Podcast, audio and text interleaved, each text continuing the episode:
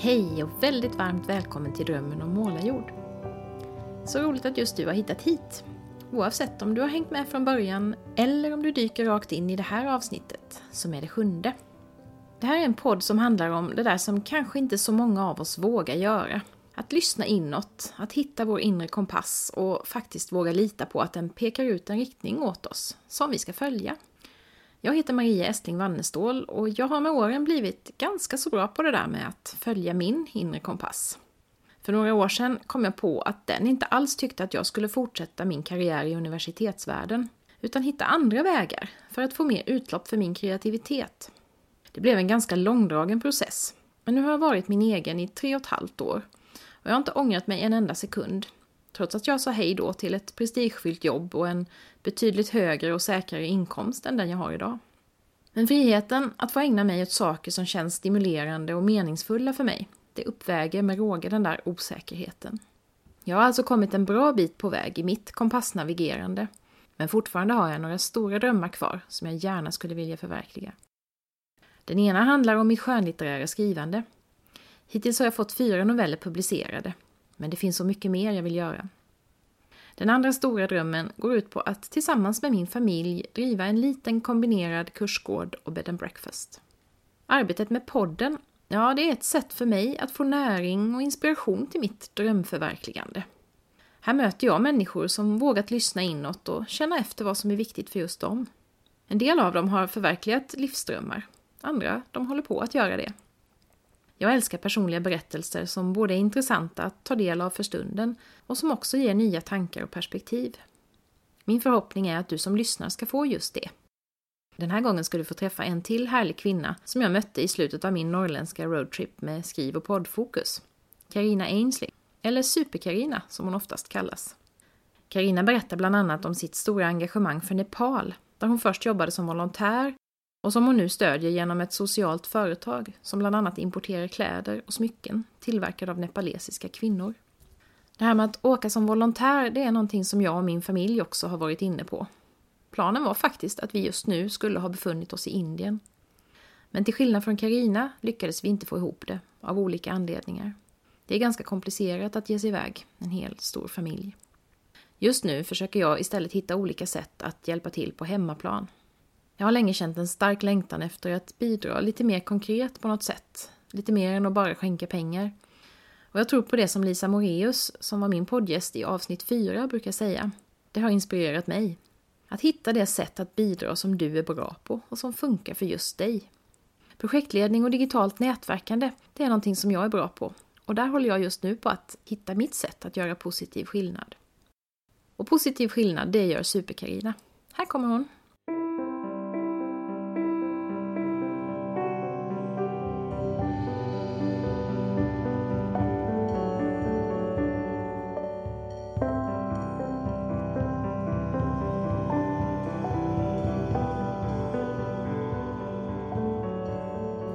Kommit till mitt sista stopp på min lilla Norrlandsturné. Nu är jag i Sundsvall hos Karina. Och eh, ja, Karina, du har ibland ett litet extra namn. Super-Karina, det är jag lite nyfiken på. Varför kallas du så? Ja, det förstår du eh, sträcker sig ganska långt tillbaka i tiden. Det var en systerdotter som sa en gång för kanske tio år sedan att Moster Karina, du är en riktig supermoster. Och på den vägen ner det. Så mm. blev det Super-Karina och eh, Ja, det är så många känner mig idag. Ja, och det gör både vänner och eh, folk som du träffar i mer professionella sammanhang? Eller? Absolut, mm. till och med min mailadress är superkarina. Mm. Så, det, så är det. Ja, vad kul. Så vem är du, superkarina, egentligen i mössan? Ja, jag är nog en ganska glad, trevlig och positiv kvinna tror jag, i mina bästa år, 50 plus. Eh, tycker om att driva projekt och, och eh, hitta på nya saker nyfiken på mycket. Ja. Så vad konkret gör du en arbetsdag?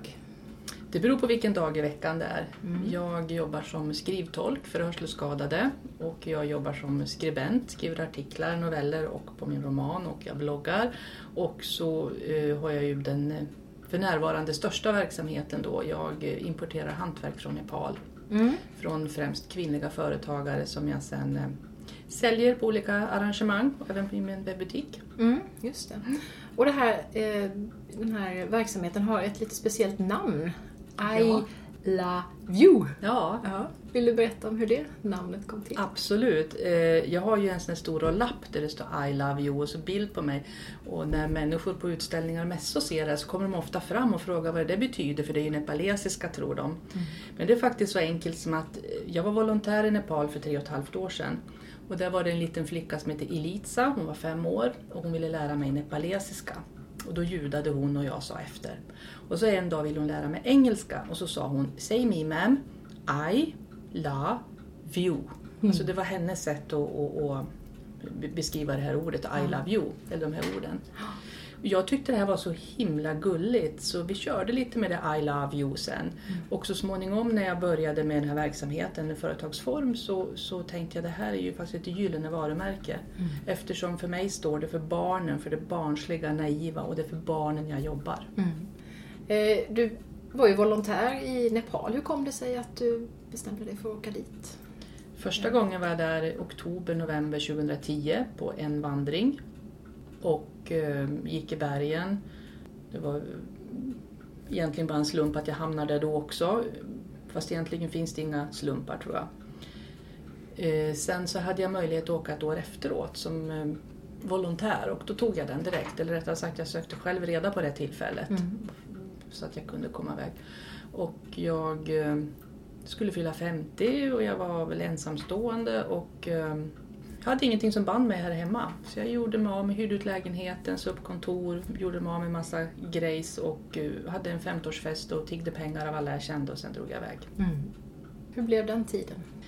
Den tiden var bland det tuffaste i mitt liv. Eh, De där tre månaderna är som faktiskt en livstid eftersom eh, allting är så annorlunda där än vad det är här. Det var en lång resa att åka dit men det var även en, en väldigt omfattande inre resa måste jag säga.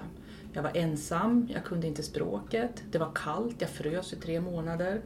Eh, och då låter det ju jättenegigt när man säger så men, men alltså det är ett otroligt vackert land med bergen, du har Himalaya, hela Kathmandu ligger i Himalayadalen, det är otroligt vackert. Och människorna är trots sin fattigdom så otroligt generösa och omtänksamma. De kan köpa vindruvor för sina sista rupees för att jag ska komma på besök. Ja. Ehm, Och vad gjorde du där? Vilket, hur såg ditt volontärarbete ut? Ja, jag gjorde väl egentligen vad jag ville men, men eh, jag åkte ju på egen bekostnad så att säga. Men, men eh, jag var ju väldigt mycket då på det här barnhemmet för före detta gatubarn. Det var sju flickor mellan fem och tolv år. Jag var ju väldigt mycket där med dem och läste läxor och lekte och busade såklart. Vi var på utflykter tillsammans och grät och skrattade ihop. Det är det som är det fantastiska, bäst fantastiska av allt och det är därför jag fortsätter jobba med det här. Eh, nu har jag kontakt med barnen, inte bara på det barnhemmet utan på två barnhem till. Och barn i Nepal har oftast varit med om väldigt, väldigt mycket. Eh, mer än vad många av våra vuxna har i hela vår livstid ibland. Och eh, ändå är de så glada, tacksamma och eh, generösa med sig själva. Jag får så mycket villkorslös kärlek av barn i Nepal. Eh, hälsar jag på någon eller träffar jag någon och kommer ner ett år senare så vet de vad jag heter. De vet vad min mans barn heter. Eh, de de eh, håller reda på mig och eh, vill hålla handen, man vill leka. Eh, ibland, jag satt och tittade på kort här igår och såg några av ungarna. Jag träffade dem en gång och jag kommer ihåg vad de heter och, och ja, det är helt underbart. Så det, det, är ju, det är ju för barnen vi gör det här och när man är riktigt trött och allting jävlas här hemma och tänker ska jag lägga ner det här? Då, då tänker jag på de här ungarna. Nej, för fasen, kör. Det är Någonting någonting som, som ger energi helt enkelt. Ja, det ger energi. Det ger, och när det inte ger energi så ger det i alla fall vilja att fortsätta. Och sen när du kom hem, hur blev det? Det har jag ju hört många berätta om att det är väldigt annorlunda när man har varit iväg Ja, så det- här. Hur påverkar det ditt liv? Det var tufft. Eh, Dels så var jag sjuk när jag kom hem. Jag hade... Alltså, Kathmandu är en av världens mest eh, förorenade städer. Jag hade slarvat med ansiktsmasken sena, senaste veckorna så mina luftrör var helt slut. Och eh, jag hade hosta i månader efteråt. Och så var det också väldigt jobbigt mentalt. Jag vet egentligen inte riktigt varför men som sagt det var en omfattande inre resa jag Mm. gjorde. Och för första gången i mitt liv hade jag lärt mig att släppa kontrollen. Jag är ju stora syster och kontrollmänniska så. Och bara det och så komma tillbaka till Sverige igen. Ja, det var mycket som hände och jag, det tog mig ett halvår tror jag att komma igen och bearbeta. Och, för jag hamnade i en riktig svacka faktiskt när jag kom Mm. ner. Men eh, ganska precis ett halvår efter sen jag kom hem, jag kom hem i mars 2012, så då hade jag ju träffat en man och så då, så då sa han, jag, alltså jag hade ju ingen jobb ens när jag kom hem, jag var ju fortfarande fattig volontär, men då så ett halvår efteråt så, så sa han nu åker du till Nepal och hälsar på flickorna så du blir människa av det igen, sa han. Mm. Och så köpte han en flygbiljett och så åkte jag. Ja. Och på den vägen nere. Ja. Ja. Hur var det att komma tillbaka då efter en tid?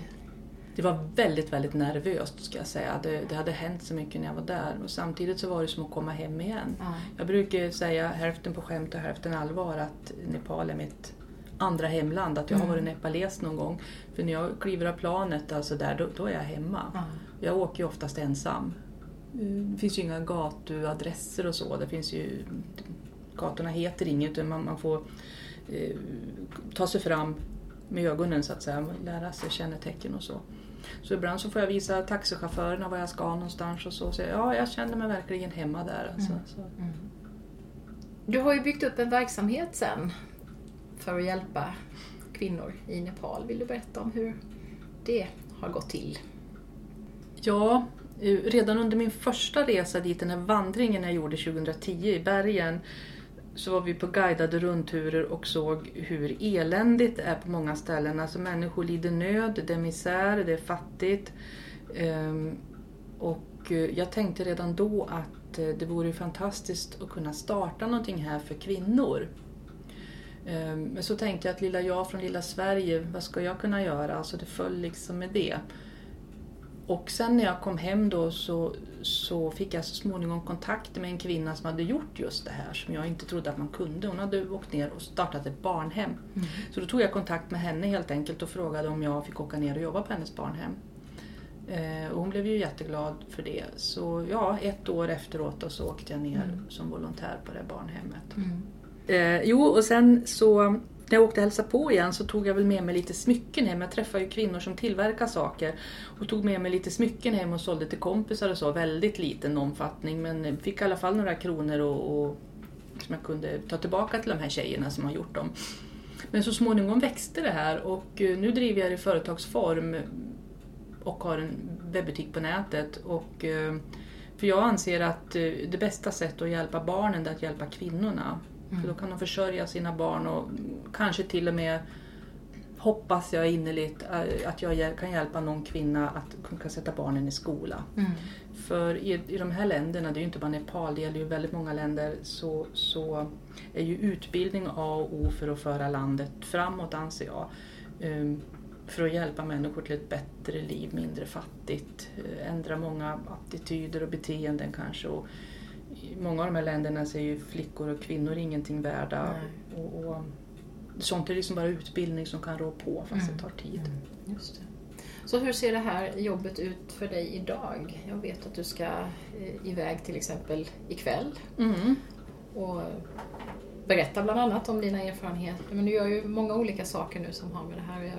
Du... Oh ja, jag försöker ju bygga mitt varumärke I Love You. Jag har till och Mm. med startat ett aktiebolag nu som jag ska föra över hela verksamheten i som heter just I Love You aktiebolag. Mm. Eh, För att göra det mindre, för att göra det lättare för mina kunder. Mm.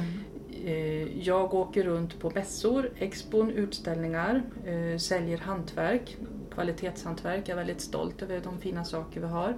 Jag åker runt och föreläser. Mm. Eh, Jag föreläste hundratal gånger nu på två år. Mm. Man kan beställa allt ifrån en berättelse om hur det är att vara volontär till kvinnliga företagare i Nepal, gatubarnens situation eller jag varit i församlingar och berättat om pilgrimsvandringar, som, eller en mix av alltihop. Mm. Eh, och då säljer jag också mitt hantverk plus min bloggbok. Då. Jag bloggade ju när jag var där nere och det sammanställde jag till en bok sen, I love you 90 dagar i Nepal. Mm. Så jag, nu åker jag ner till Nepal två gånger om år. Och genom att verksamheten har växt nu så importerar jag också då, då via transportföretag. Mm. Och hur fungerar det?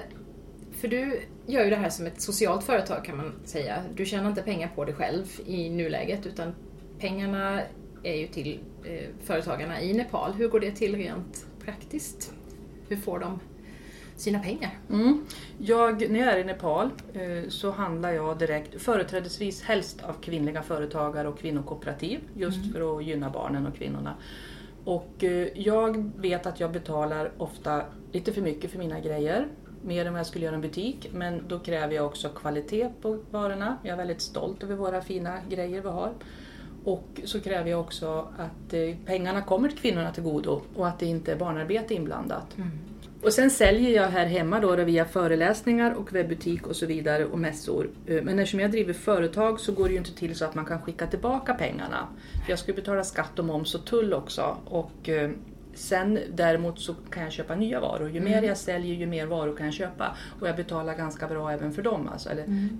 Ganska bra betyder då att jag betalar mer än vad jag skulle ha gjort i, i turistbutiker mm. ofta. Mm. Och på det viset så anser jag att jag hjälper dem ganska bra. Men, men, eh, för de får, ju, de får ju mycket pengar ibland men de får ju också göra någonting för dem. Mm.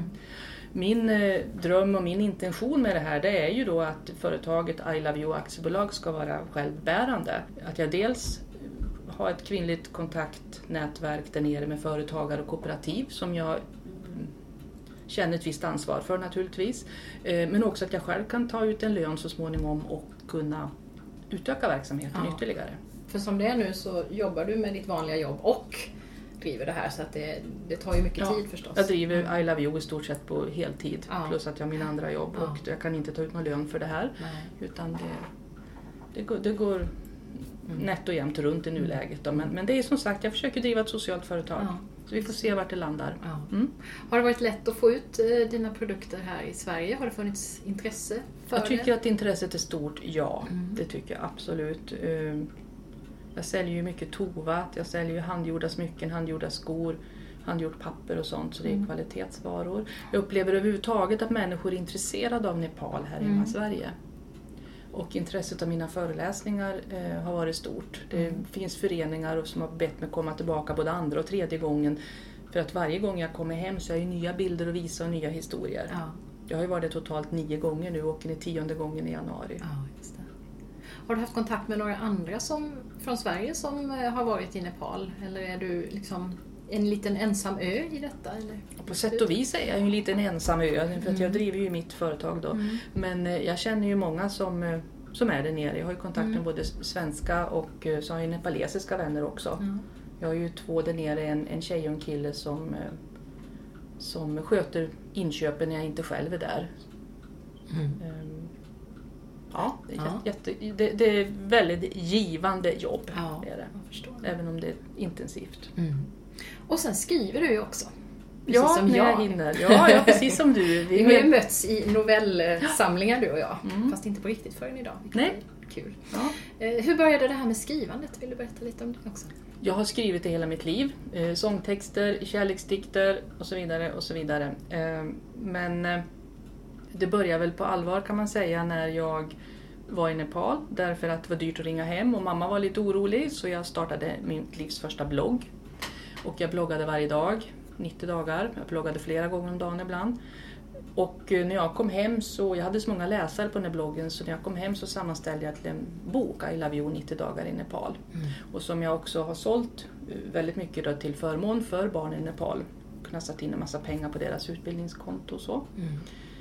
Ehm, och sen eh, efter den här bloggboken då så tyckte jag, att det var ju himla kul det här att skriva men jag borde ju kanske bli lite bättre. Och gick några författarkurser och skrivarkurser och började på no novelltävling, man kunde vara med i någon antologi och så här. Och så kom jag med. Och då var det så kul så då skickade jag in en till och kom med där. Och på den vägen är det då. Så nu har jag väl 20-tal noveller utgivna både på papper och nätet. Mm. Faktum är att eh, jag har precis fått ett förskott ifrån Nederländerna. En holländskt förlag har översatt en del av mina texter ah. på nät och papper. Det är jag otroligt stolt över. Ah. Och så har jag gett ut min egen kortroman nu, den kom ut till Bokmässan och så skriver jag på min egen roman. Då. Så, ah. så jag kommer nog med Författarförbundet här så, det här året, så jag kan väl kalla mig författare nu, annars brukar jag säga skribent. Vad skriver du helst om? Har du något tema sådär som du återkommer till? Eller? Från början var det humor. Jag är väldigt bra på det här med att skriva med knorr. Mm. Men sen i och med novellerna här så, så ska ju allting vara så mycket kortare. Och det har ju blivit mycket om Nepal har det blivit. Eftersom jag jobbar så mycket med Nepal så är det ju det jag lever i ofta. Mm. Sen försöker jag även skriva om annat. Lite dramatik ibland och så. Jag håller mig från fantasy, skräck och eh, sex, Ja. erotik. Än så länge. Än så länge, ja. Ja. Vem vet vad som Ja, väntar. Den här kortromanen du har skrivit, vill du berätta lite om den? Hur kom den till? Ja, eh, det är lite kul därför att det var faktiskt så här att den heter då Grannen from Hell. Och uppslaget fick jag av en eh, Facebook-kompis som brukade berätta om sin granne from Hell. Så jag tog kontakt med henne för jag förstår ju att hon hade ett litet helvete med sin granne men det var otroligt komiska grejer då om man ser på det perspektiv utifrån. Så jag tog kontakt med henne och frågade, jag tycker det här är roligt även om jag förstår att det inte är lika kul för dig. Får jag skriva om det här? Mm. Hon tyckte det var jättekul så hon skickade mig långa mejl här vad, vad eh, sina upplevelser och så. Så den här grannen finns faktiskt i verkligheten fast Ja. jag har gjort om honom lite grann såklart och sen har jag gjort en egen story runt det här då. Ja. Mm. Så den kom ut nu till Bokmässan och det är jätte, jättekul. Ja, just det. Din, du sa att du har en roman på gång. Är det jättehemligt eller är det någonting du kan berätta om? Eller? Ja, den har handling både i Nepal och Sverige Mm. och eh, två kvinnors öden som flätas ihop där. Mm. Spännande. Ja. Ja. Du Karina, jag tänker på det här med att många som gör sådana här saker som du, som förverkligar någon typ av dröm eller ja, hittar på något galet projekt. Vi är ju lite sådana, både du och jag. Vi är ju så passionsdrivna, vi vill ju så mycket. Och jag tror att ibland så kanske vi brinner ut lite för fort. Har du några bra strategier sådär för att ta hand om dig också? ja, för andra. Jag kan berätta för vad du ska göra Ja, men själv, själv följer dem inte. Nej. Så är det. Därför att jag blir så otroligt engagerad när jag är där och då blir det lätt att jag drar på mig fler saker och så måste jag gå in där och göra lite och så Mm. kan jag ju inte tacka nej till det där roliga projektet som Nej. dyker upp. Så Mm. det är ofta lite för mycket. Mm. Nu är det väldigt mycket för mycket och eh, eh, det, jag ska vara ledig i januari och februari. Mm. Och innan dess så ska du ner till Stockholm Mm. eh, och stå på Sergels torg. Ja, det är ju ett jättekul projekt och som jag bara måste vara med på. 30 dagar på Sergels torg, en halv miljon besökare och jag ska sälja grejer från Nepal.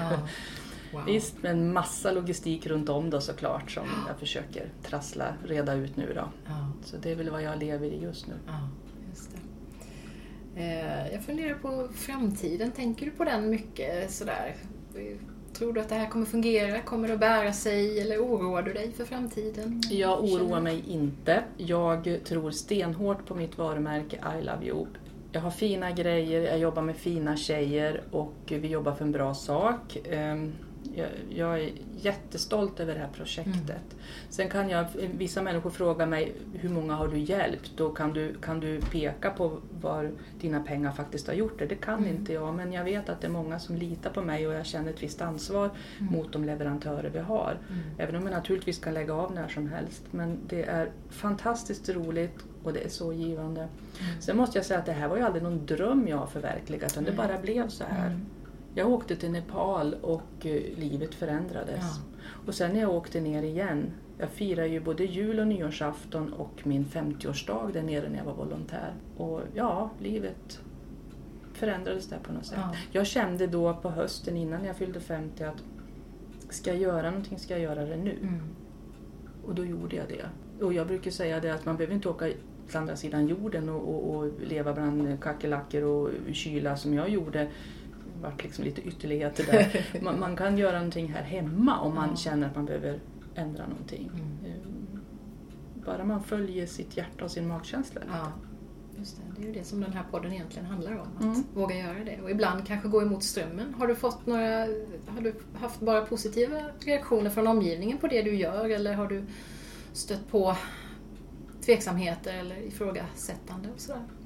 Nej, jag tror inte jag kan säga något tveksamhet eller ifrågasättande. Inte som har nått mig i alla fall. Däremot så kan jag väl tänka mig att en del tycker att jag har dragit på mig för mycket eller något. Mm. Eller att de kanske inte förstår varför. Men, men det är ingen som har ifrågasatt det öppet. Så. Nej. Nej. De flesta tycker att det, det går till ett bra ändamål. Mm. Mm. Har du någon dröm sådär som du känner just nu att åh, tänk om? Eller är du nöjd som du har det? Nej, jag är inte nöjd. Det är eh, alldeles för stort ansvar som vilar på mig just nu. Mm. Och det är alldeles för mycket. Min dröm är att ja, redan nästa år, inom två år, så går det här företaget mer eller mindre av sig själv. Jag har ju redan två härliga medarbetare i Nepal. Mm. Och eh, att det, det bär sig själv och jag kan ta ut en lön som, för, för det jobb jag faktiskt gör. Mm. Så jag också kan få arbetsro och skriva mer och även jobba med tolkningen som jag faktiskt har jobbat med i 25 år. Jag älskar alla Mm. mina tre jobb. Jag vill helst inte ge upp något av dem. Eh, Men eh, mitt mål då det är att livet ska få gå lite lugnare tempo än vad det gör nu. Mm. Så är det. För från att vara kontrollfreak och stressat fram i 180 så kom jag till Nepal och fick lära mig att tvärvända där. Ja. Så jag är tillbaka till det gamla livet nu och jag känner att det är där ändringen måste ske Mm. igen. Få mer kvalitetstid med mig själv. ja, Mm. det kanske är det som är den där strategin. Att Det får bli eh, ta hand strategin. om sig själv. Det var dagens visdomsord, Ja. det får bli min strategi. Just det. Tack så hemskt mycket Karina för att du ville vara med i min podd. Jag tycker det är inspirerande att lyssna på dig och jag blir sugen på att göra saker. Det blir ju alltid när jag träffar människor som du som faktiskt gör det där som vi andra kanske bara tänker att man skulle kunna göra. Så jag hoppas verkligen att du ska kunna ta det lite lugnare framöver och ta hand om dig själv så att du blir hållbar i det här. För jag förstår ju att du är viktig för många människor andra sidan jordklotet. Är nog viktigast för mig själv. Ja, Och tack för att jag fick vara med. Jag är mycket smickrad och glad över att du vill ha mig med och jag tycker det är fantastiskt roligt att få träffa dig. Och du får jättegärna följa med mig till Nepal och vi kan göra en podd från Nepal tycker jag. det vore väl lite spännande. Ja, Tack! tack själv.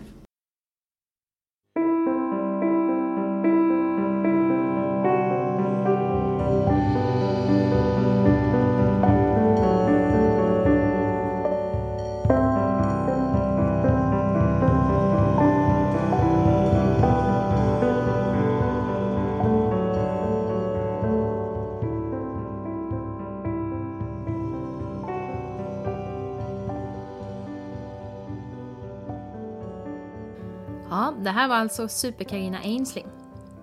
Om du blev nyfiken på att veta mer om Carina, kanske hennes skrivande eller hennes engagemang i Nepal, så tycker jag att du ska titta in på hennes blogg som du hittar på www.supercarina.se.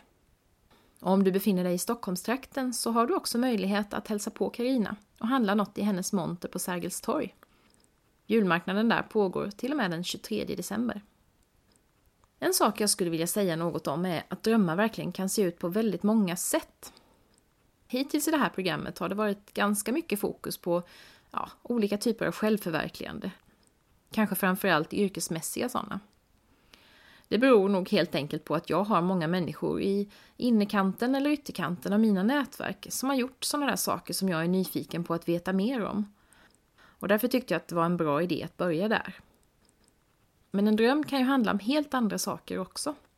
Kanske har du människor i dina nätverk som du tycker skulle passa in i podden. I så fall är du jättevälkommen att höra av dig på podcast livstid.nu. Ordet livstid förresten, det nämnde Karina under vårt samtal. Hon sa att volontärtiden i Nepal kändes som en hel livstid. Men det är ju också namnet på den verksamhet inom personlig utveckling som jag driver tillsammans med min kollega Sara som ni förresten fick träffa i poddens första avsnitt och också kommer att få höra mer av lite längre fram. Vi får ibland frågor om namnet livstid. Varför vi heter så, om vi har någon koppling till fängelsekunder. Särskilt Sara får höra det eftersom hon också arbetar inom polisen. Men namnet livstid kom sig helt enkelt av att vi startade vår verksamhet i form av en blogg som handlade om livet och tiden och vad vi gör med den. Sen har det ju hänt en massa saker sedan dess, men vi tycker fortfarande om namnet Även om vi ibland diskuterar om vi borde hitta någonting med mer omedelbart positiva associationer. Vi tycker också mycket om vår logga, med droppen som en symbol för den där droppen som urholkar stenen. Det vi vill göra är ju att väcka tankar och nya perspektiv. Inte erbjuda några quick fix-metoder, utan att få människor att fundera igenom sitt förhållningssätt till livet, i stort och smått. Som utgångspunkt använder vi bland annat ACT, Acceptance and Commitment Training, som handlar om att lära sig att acceptera det vi inte kan förändra för att frigöra energi till att förändra det vi kan i riktning mot just det livet som vi vill leva. Och det är precis det som den här podden handlar om. Du får jättegärna gå in och gilla Livstids Facebook-sida där vi bland annat skapar ett inspirerande Facebook-evenemang varje månad. Den här månaden bjuder vi på lite extra mycket godis på Livstidssidan. Dels har vi december månads evenemang som heter Julefrid i juletid? Frågetecken. Här vill vi försöka inspirera till en advents och juletid som ger lite mer glädje och lugn i själen istället för julstress och köphets. Hur gör du för att inte dras med i julhysterin? Dela gärna med dig, eller efterlys, tips och tankar kring hur vi kan skapa bästa förutsättningar för en hållbar julefrid. Du kanske har tips på klimatsmart mat, eller klappar som värmer lite extra. Sånt där som upplevelser, välgörenhetsgåvor, att ge av sin tid istället för prylar till exempel. Eller kanske ni struntar i julklappar helt och hållet i din familj. Kanske har du tips på mysiga jullovsaktiviteter med familjer och vänner, sånt där som inte kostar en massa. Som roliga lekar eller inspiration till meningsfulla samtal. Eller kanske har du tips på hur du tar hand om dig själv för att må bra. Eller någonting helt annat. Välkommen att inspirera och inspireras. Och det kostar förstås ingenting att vara med. Det andra som händer på Livstids Facebook-sida just nu är att vi kör en julkalender. Under åren med bloggen gjorde vi en julkalender med en liten reflektion bakom varje lucka i december. I år gör vi något som relaterar till en viktig grundpelare i vårt arbete, det goda samtalet. Vi har jobbat med bland annat cirkelsamtal, där alla får lika mycket talutrymme i en massa olika sammanhang. Och vi har fått mycket positiv respons på det arbetet. Så i Livstids julkalender ger vi nu i varje lucka lite inspiration till ett samtalstema. Som eh, människor jag inspireras av. På det viset kommer du när julen är här att ta en hel liten bank med teman att plocka från. Kanske kan det vara någonting att testa efter julmiddagen, under en lång, skön, seg annan dag. Eller kanske som inledning på nyårsfirandet. Eller varför inte prova någonting så här redan nu i adventstid, till lussebullarna. För dig som är en skrivande person skulle jag också vilja tipsa om en annan julkalender. I år kör jag nämligen två. Den andra finns på min författarsida på Facebook, den som heter Skrivluft. Eftersom skrivandet för mig är ungefär som luften jag andas. Får jag inte skriva på länge så får jag helt enkelt inte tillräckligt med frisk luft. På Skrivluft får du varje dag fram till jul en skrivutmaning. Det som man på engelska brukar kalla en writing prompt. På det viset kommer du lagom till julledigheten att ha en liten samling utmaningar Kanske hittar du där en eller flera idéer att plocka upp för en dikt eller en novell. Eller kanske till en scen i din kommande bästsäljarroman. Du kan förstås också se det bara som ett sätt att träna din egen kreativitet. Men nu ska jag äntligen avsluta det här avsnittet. Det var så mycket jag kände att jag ville berätta om idag. Och förutom livstid och skrivluft så finns förstås också Drömmen om Målarjords Facebook-sida och webbplats. Där du kan titta in om du vill veta mer eller hålla koll på nya avsnitt. Tack så jättemycket för att du har lyssnat och välkommen tillbaka. Om du nu lyssnar strax efter att jag har lagt ut det här avsnittet, då ska jag också passa på att önska dig en riktigt fin andra advent. Hejdå!